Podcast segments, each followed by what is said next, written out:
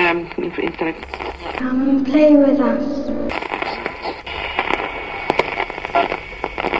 Red rum, red rum.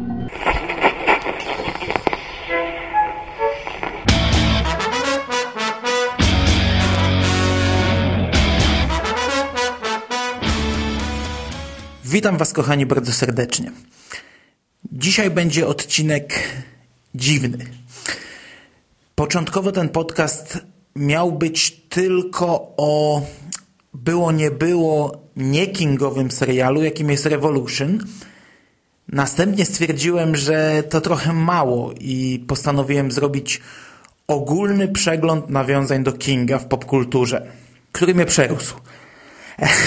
Nad pierwszym planem siedziałem dwa dni i wyszedł z tego chaotyczny, niestrawny bełkot, który poleciał do kosza. Zbyt obszerny temat, który nawet potraktowany po łebkach był nadal zbyt obszernym tematem.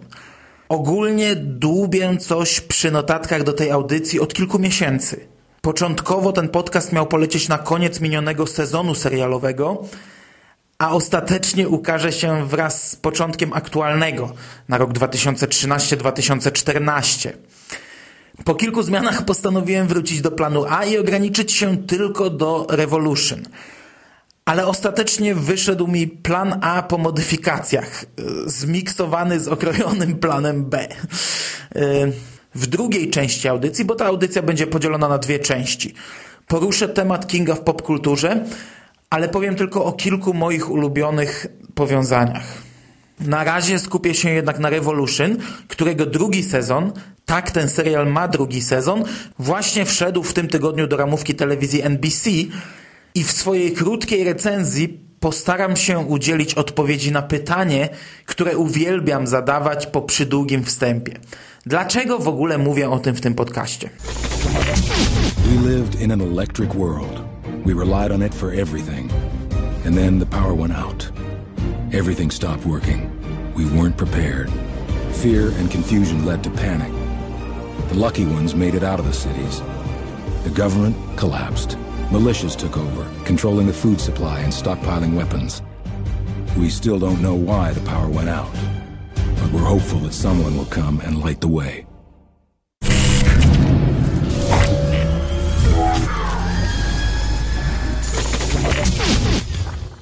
I bez zbędnego przynudzania. Czym jest Revolution? To serial amerykański, którego pierwszy sezon emitowany był przez telewizję NBC w sezonie 2012-2013.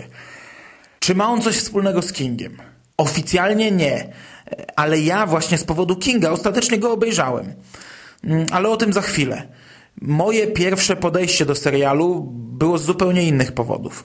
I nie ukrywam, że miałem gigantyczne oczekiwania w stosunku do tej produkcji. Już po pierwszej zapowiedzi byłem kupiony i czekałem na serial jak na zbawienie, tradycyjnie omijając wszelkie zwiastuny filmowe i może stąd też moje pierwsze ogromne rozczarowanie tym tytułem. Czekałem na serial z powodu dwóch nazwisk. Twórcami Revolution mieli być bowiem panowie Eric Kripke oraz J.J. Abrams. Pierwszy z nich to twórca serialu Supernatural, czyli bardziej po naszemu nie z tego świata, który ja oglądam na bieżąco od startu drugiej serii. A zatem mm, w tym momencie y, mija mi właśnie ósmy rok wraz z braćmi Winchester, ponieważ w październiku ruszy dziewiąty sezon tego serialu i pomimo ogromnego spadku jakości, który rozpoczął się wraz z odejściem z ekipy właśnie Erika Kripke, czyli po piątym sezonie, to nadal ogląda mi się to bardzo dobrze i co roku czekam na informacje o zielonym świetle na kolejny sezon. Tak jak powiedziałem, w tym roku rusza dziewiąta seria i szczerze mam nadzieję, że wcale nie okaże się ona ostatnia. J.J. Abrams to pan, którego chyba nie trzeba przedstawiać. Na polu filmowym to m.in. nowe Star Treki, e, przegenialne Super 8 czy nadchodzące wielkimi krokami nowe Gwiezdne Wojny. Serialowo to jest również potęga, pierwsza liga. Przynajmniej na tyle, na ile ja oglądałem jego produkcję, a tak naprawdę wystarczy tutaj podać Zagubionych czy Fringe, by już nakreślić z jakim poziomem mamy do czynienia. Revolution po prostu musiało być serialem genialnym. Niestety nie było. I ja za pierwszym razem wymiękłem po dwóch odcinkach. Dwóch i pół, jeśli mam być dokładny. Normalnie spasowałbym już po pierwszym, ale tutaj trzymała mnie ślepa wiara w nazwiska producentów. Ja bardzo rzadko daję drugą szansę serialom, które już skreśliłem.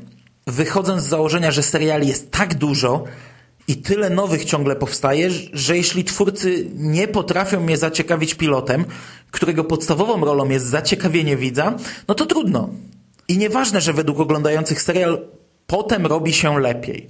Że wystarczy dać mu tylko 10, 15, 30 odcinków, dwa sezony, niepotrzebne skreślić. I potem już jest rewelacja. Z każdym sezonem zaczynam bardzo dużo seriali. Moja rozpiska nawet na ten tydzień, tydzień, który właśnie kończymy, jest ogromna. A za miesiąc pozostaną z tego jednostki, ponieważ no, seriale przelecą jak przez sito. Po pierwszym, drugim czy trzecim odcinku zrezygnuję z większości z nich. Oczywiście ta reguła nie dotyczy seriali z nazwiskiem Stephen King w czołówce i dlatego dotrwałem do czwartego sezonu Haven, bo normalnie skreśliłbym go już po pierwszym odcinku. Zabawne jest to, że kiedyś po pilocie skreśliłem też Fringe, właśnie J.J. Abramsa, od którego także miałem ogromne oczekiwania, którym jarałem się niemiłosiernie na etapie zapowiedzi, a na którym w pierwszym podejściu bardzo się zawiodłem i ostro go wtedy skrytykowałem. Ale potem, podobnie jak w przypadku Revolution, dałem się namówić do oglądania i ostatecznie rozkochałem się w nim. Nie sądzę, bym w przyszłości rozkochał się w Revolution, bo po 20 odcinkach serial nadal ni grzeje, ni ziębi, ale obejrzałem całość hurtem i nie było to jakoś szczególnie męczące doświadczenie. A do drugiego podejścia namówiły mnie właśnie głosy o bardzo silnych nawiązaniach do Stephena Kinga. W popkulturze nawiązań do Kinga mamy setki, ale Revolution jest o tyle wyjątkowy na tym polu, że nie ogranicza się do nawiązań w postaci ciekawostki, a tworzy z nich główne elementy fabuły. My partners and I, we set out to invent a device. It inhibits electricity.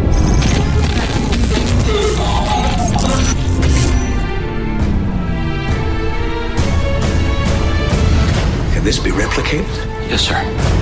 On how large a scale? Revolution. Najpierw w dwóch zdaniach, o czym to w ogóle jest. I, I faktycznie zmieścimy się tutaj w dwóch zdaniach. Pewnego dnia na całym świecie wyłączają się urządzenia elektroniczne.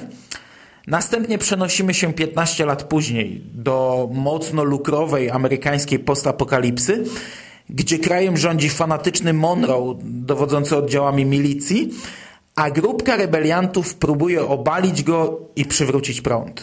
Nie obejdzie się dziś bez drobnych spoilerów, ale moim zdaniem wątki, które zdradzę z fabuły, nie popsują wam przyjemności z oglądania, szczególnie, że jeżeli mają coś popsuć, to oznacza, że jeszcze nie zabraliście się za oglądanie tego serialu, a skoro jeszcze nie zabraliście się za oglądanie go, to najprawdopodobniej nie zabierzecie się, a może właśnie te motywy kingowe was zachęcą. Mnie zachęciły.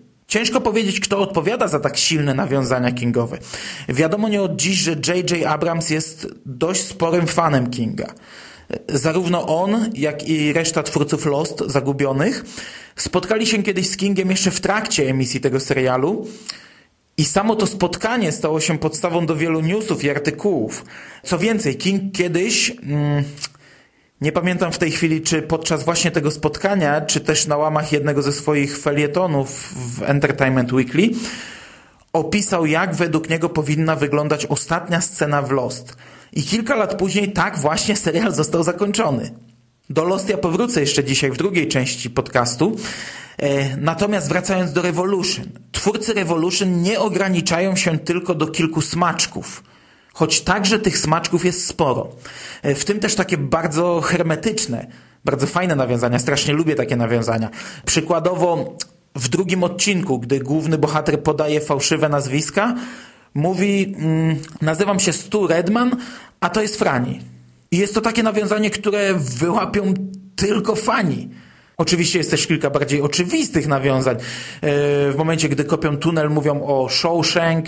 Gdy spotykają sektę dziwnych dzieci, no to oczywiście nawiązują do dzieci kukurydzy. W pewnym momencie jeden z bohaterów mówi, że złamał nogę, ponieważ chciał zaimponować Emmy Wilkes. E, choć tutaj do końca nie jestem pewien, czy mamy Eni czy Emmy, ale tak czy siak zabrzmiało to jak nawiązanie. Jedna ze scen rozgrywa się w bibliotece, gdzie też w roli głównej pojawia się najpierw Bastion, Bibliotekarz podaje go, informując przyszłego czytelnika, że jest to książka o końcu świata. E, a gdy dalej śledzimy scenę rozgrywającą się właśnie w tym miejscu, to widzimy, że w tle całej sceny są regały zapełnione tylko Kingami. I to nie jest przypadek, bo są tam same Kingi. Również takie, które są ustawione okładką do przodu. To jednak, tak jak powiedziałem, są tylko smaczki. Revolution posuwa się znacznie dalej. Inaczej nie mówiłbym o tym w tym podcaście. Aby przywrócić prąd, bohaterowie podróżują do tajemniczego miejsca zwanego wieżą. Wyrusza ich kilku, niczym w Bastionie, to jest taka sama podróż jak w Bastionie czy w Mrocznej Wieży. Finałowy odcinek sezonu nosi zresztą tytuł The Dark Tower, czyli Mroczna Wieża.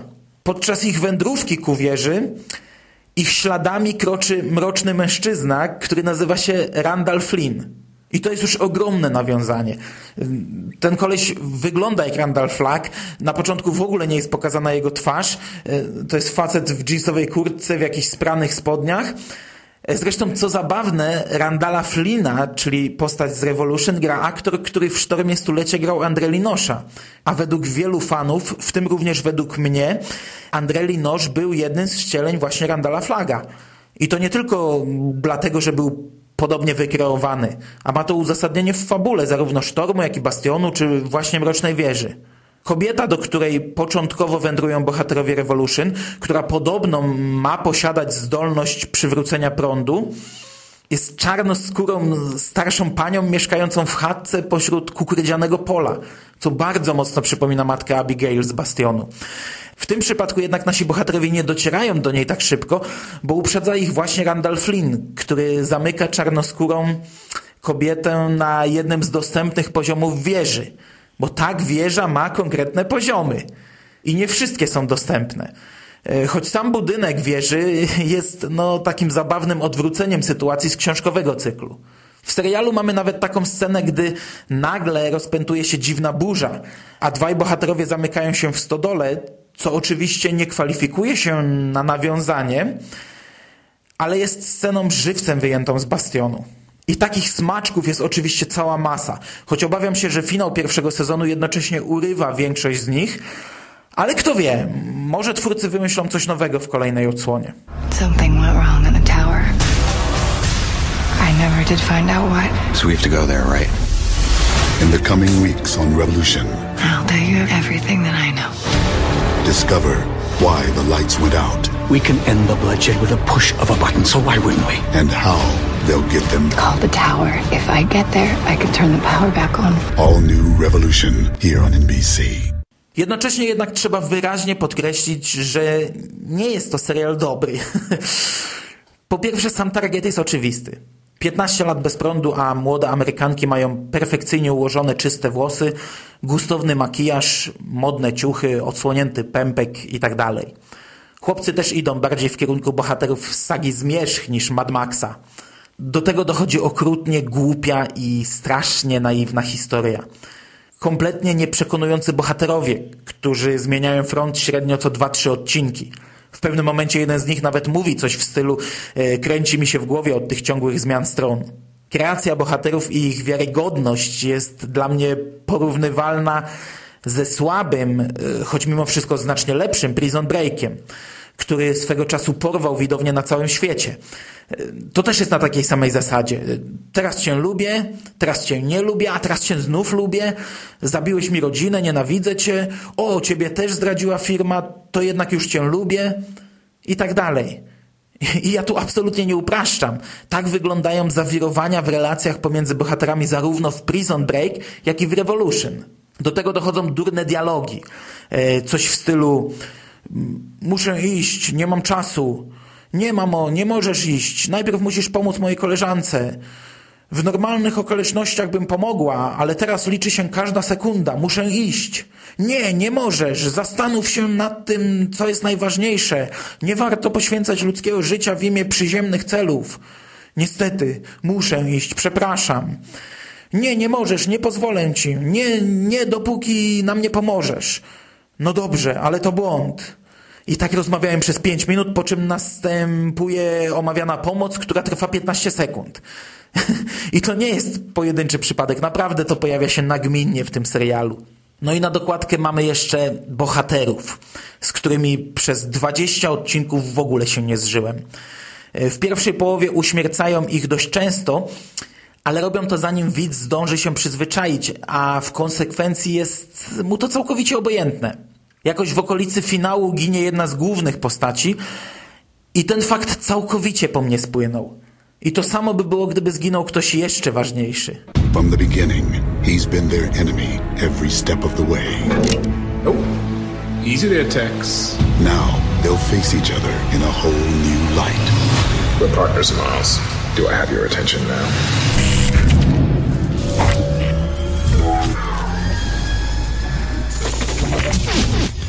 Sam serial, e, jeśli oczywiście nastawimy się na konkretny rodzaj rozrywki, może dostarczyć jakiś tam poziom zabawy. Ja obejrzałem go dość szybko i gdy odpowiednio obniżyłem swoje oczekiwania, to oglądałem z niekrytą przyjemnością. I drugi sezon raczej będę oglądał już na bieżąco. Trzeba wiedzieć, w co się pakujemy, nie oczekiwać nie wiadomo czego, a w wolnej chwili może to nam dostarczyć trochę prostej rozrywki. Polecam raczej na wakacje, kiedy w telewizji panuje posłucha, a nie mamy nic innego zaległego do nadrobienia. Okej, okay, przechodzimy do drugiej części. Revolution nie jest oczywiście jedyną produkcją, która silnie nawiązuje do Kinga, ale jedyną e, z tych, które kojarzę, robiącą to na taką skalę. King oczywiście odcisnął znacznie większe piętno na całej popkulturze. Od komiksu przez książki, filmy, gry, seriale, na muzyce kończąc. I niemożliwym jest już samo wyłapanie wszystkich nawiązań, a co dopiero omówienie ich. Zresztą w zdecydowanej większości robienie tego nie miałoby sensu w takiej formie, w jakiej robię to w tej chwili. Wierzcie mi, wiem co mówię. Próbowałem. Zdecydowana większość nawiązań ogranicza się albo do leżącej gdzieś na planie książki Kinga, albo do wzmianki na temat Kinga lub jednego z jego utworów, czy to monologu, czy w dialogu. Groźny pies jest często nazywany Kujo, groźna sytuacja porównywana do jakiegoś utworu Kinga, nadopiekuńcza wariatka porównywana do Misery i tak dalej. W tej części dzisiejszej audycji, zamiast omawiać poszczególne grupy nawiązań, zagłębiać się w poszczególne dziedziny popkultury, podam tylko kilka, naprawdę niewielki procent moich ulubionych nawiązań do Stephena Kinga w popkulturze. To nie jest obszerna analiza, to nie jest wyczerpujący przegląd, to jest ledwie zalążek tematu. I zacząć można od polskich produkcji, bo w, również w polskich produkcjach znalazły się nawiązania do Kinga. My wychwyciliśmy tylko kilka takich przykładów, w tym tylko dwa bardzo ciekawe. Jedno z nich pojawiło się w serialu, czy raczej w telenoweli Pierwsza Miłość. I wypatrzył je nasz forumowy kolega Mike Draven. A co? Niech chłopak ma swoje pięć minut. Scena rozgrywa się w szpitalu, gdzie dziewczyna siedzi przy łóżku kolegi i ogląda jego książkę. Z dialogu dowiadujemy się, że to Misery. Dziewczyna go pyta o to, czy to Misery, czy warto przeczytać. On mówi, że jeszcze nie wie, bo nie skończył. Po czym po dłuższej wymianie zdań na temat opieki, jakiej chce się podjąć dziewczyna, kolega mówi coś takiego. Mm, a co ty w ogóle jesteś? Misery z powieści Kinga? A może sprawia ci frajdę opieka nad kaleką? Czyli popełnia klasyczny błąd, bo pielęgniarka z książki to Annie Wilkes, a nie Misery. E, ale co jest ciekawe w tej scenie, to fakt, że ja nie mam pojęcia, co to za wydanie, co to za książkę ona trzyma. I podejrzewam nawet, e, że jest to makieta zrobiona na potrzeby serialu. Na pewno nie jest to żadne polskie wydanie. Na anglojęzycznej stronie z okładkami też go nie ma, ale ta strona nie jest już od dawna aktualizowana. E, na okładce nie widać tytułu, jest chyba napis taki wypisany krwią na nożu. E, tytuł na grzbiecie jest natomiast taki nienaturalnie rozciągnięty, co sugeruje, że to jest naprawdę jakiś tam wydruk. Ale pewności nie mam. Natomiast najfajniejsze polskie nawiązanie wyłapała moja żona w jednym z odcinków detektywów. Maciek Friedel wraz z asystentką Karoliną Ludczyn trafiają przypadkiem na sprawę zaginionego chłopca. Karolina wstępnie przeszukuje jego pokój, który jest pełen rysunków. Rysunków teoretycznie jego autorstwa. Przegląda jego szkice leżące luzem. Nie wiem, co to są za rysunki. Zakładam, że wszystkie szkice zostały wydrukowane jakoś z netu, ale ostatni z nich to praca J. Lee, która zdobi okładkę limitowanej, szkicowanej edycji pierwszego zeszytu komiksu Mroczna Wieża. Jak twierdzi babcia wychowująca chłopca, yy, tu cytat, te rysunki to cały jego świat. Uzdolniony chłopak, nie ma co. Mieliśmy jeszcze jedno nawiązanie w Londyńczykach z siekierą, dziurą w drzwiach i parodią sceny z Nicholsonem i jego Here's Johnny. E, ale jest to jednak pośrednie nawiązanie, bo ta scena pochodzi z Kubricka, a nie z Kinga. E, jest to zresztą chyba najczęściej przerabiana scena, co świadczy o tym, jak bardzo ten film zakorzenił się w kulturze. Powstała choćby czarno-biała, nie ma wersja w Pogromcach Mitów. Jest też wersja podczas obrzezania jednego z bohaterów przystanku Alaska. Kiedy złe moce opętały sama w Supernatural i ten wywalił dziurę w drzwiach, Bobby w chwili zagrożenia życia patrzy na niego i z ironią mówi coś w stylu teraz jeszcze tylko nie powiedz here's Johnny. Takich scen są dziesiątki w wielu serialach i w wielu filmach. Część z nich jest bardzo charakterystyczna, inne niczym się nie wyróżniają, ale są. Jest nawet wersja porno, o której już kiedyś mówiłem w wiadomościach z Martwej Strefy i tutaj tę gałąź nawiązań już sobie odpuścimy. Chociaż trzeba zaznaczyć, że taka gałąź istnieje. E, wracając do samej sceny z Kubricka, tego typu nawiązań do ekranizacji Kinga, których King nie jest bezpośrednim autorem, jest cała grupa. Można wydzielić cały rozdział, całą gałąź takich nawiązań. Oczywiście króluje tutaj lśnienie. Sceny z drzwiami, korytarz w krwi, bliźniaczki, kilka cytatów, nudzą Jacka takie sprawy i zapisane tym kartki papieru. Ale można też znaleźć parodię konkretnych scen, na przykład z Zielonej Mili czy ze Skazanych na Shawshank, których w pierwowzorze niekoniecznie King jest autorem. Moje ulubione nawiązania to takie, których normalny widz nie załapie. I tutaj mocno zapamiętałem scenę z jednego z pierwszych odcinków serialu Sliders, Piąty Wymiar. E, już tłumaczę o co chodzi. Było to nawiązanie do mojego ulubionego filmu kingowego Stań przy mnie, w którym główni bohaterowie mieli takie charakterystyczne powitanie. E, zresztą nie tylko powitania, ale akurat tutaj nas tylko ono interesuje. Chłopcy mieli swój język, kilka swoich powiedzonek, mieli swoje żarty, a witali się natomiast w specyficzny sposób, pocierając jedną rękę o drugą i odwrotnie. W serialu Sliders główną rolę gra Jerry O'Connell, czyli starsza wersja Verna Tessio ze Stań przy mnie. W tym konkretnym odcinku gościnnie występuje dorosły już Corey Feldman, mianowicie Teddy Duchamp ze Stań przy mnie, przez cały odcinek bohaterowie nie podali sobie ręki, a gdy na sam koniec główny bohater, Queen, grany przez Jerry'ego O'Connella, szykuje się do zjazdu do kolejnego świata, dość niespodziewanie żegnają się właśnie w taki sam sposób jak Wstań przy mnie. Świetna rzecz, na którą normalny widz nie zwróci uwagi. Fajne nawiązanie znalazło się w jednym z odcinków drugiego sezonu mm, serialu z Archiwum X – którego ja, mimo fanatycznego oglądania tego serialu, nie wychwyciłem. Dopiero ktoś na forum wkleił zrzut z ekranu.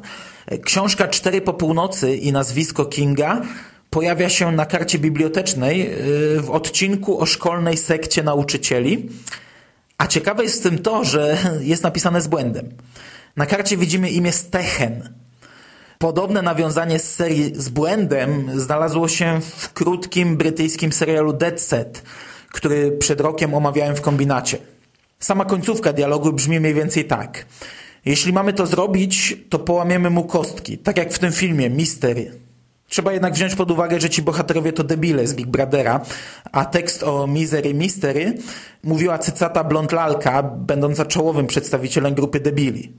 Wspomniany już przeze mnie we wstępie serial Zagubieni J.J. Abramsa oferuje mnóstwo mocnych nawiązań, z całym klubem czytelniczym omawiającym powieść Kerry na czele, ale ja chciałbym wyróżnić dwa kompletnie niewidoczne motywy.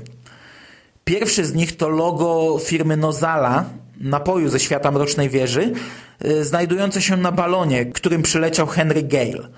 To jest scena z drugiego sezonu. Ja drugi sezon widziałem już jakieś pięć razy, ale nigdy tego nie mogłem wyłapać. Zawsze przypomina mi się po fakcie.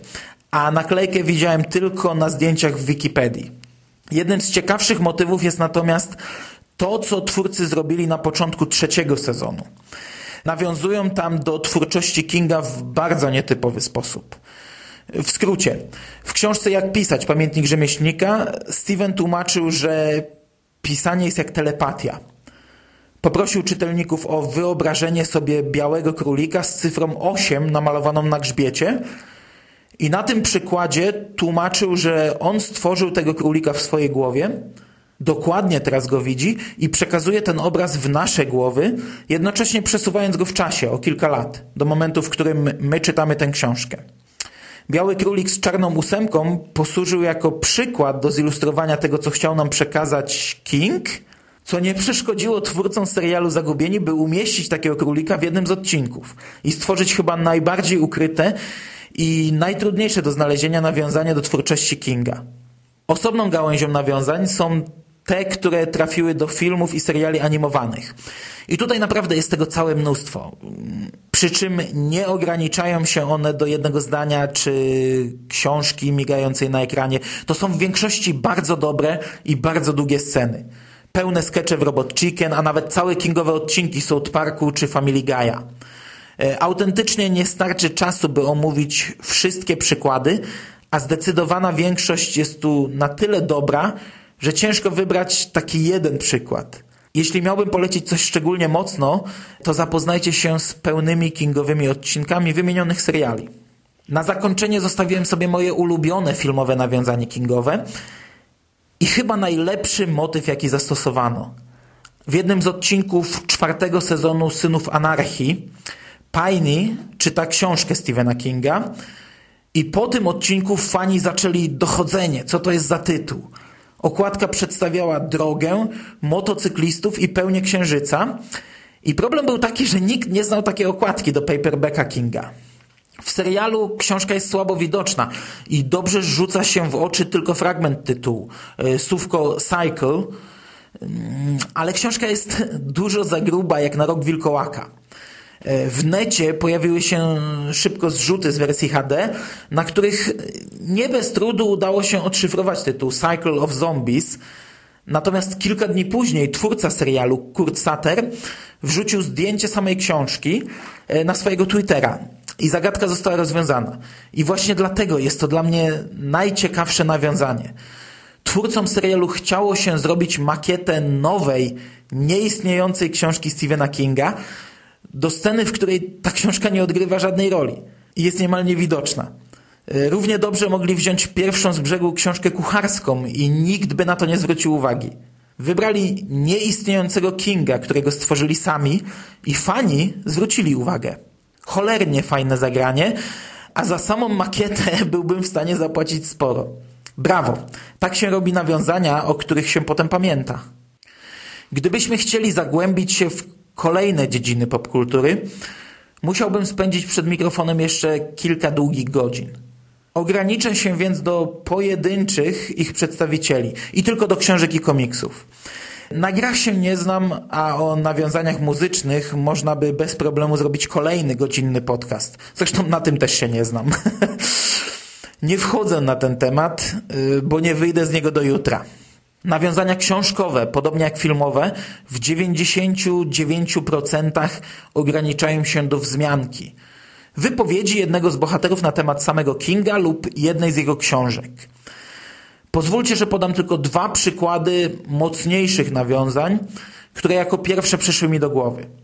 Po pierwsze, słabiutka książka Kto zabija najsławniejszych amerykańskich pisarzy Roberta Kaplowa. Wydana również u nas, zarówno w formie papierowej, jak i audio.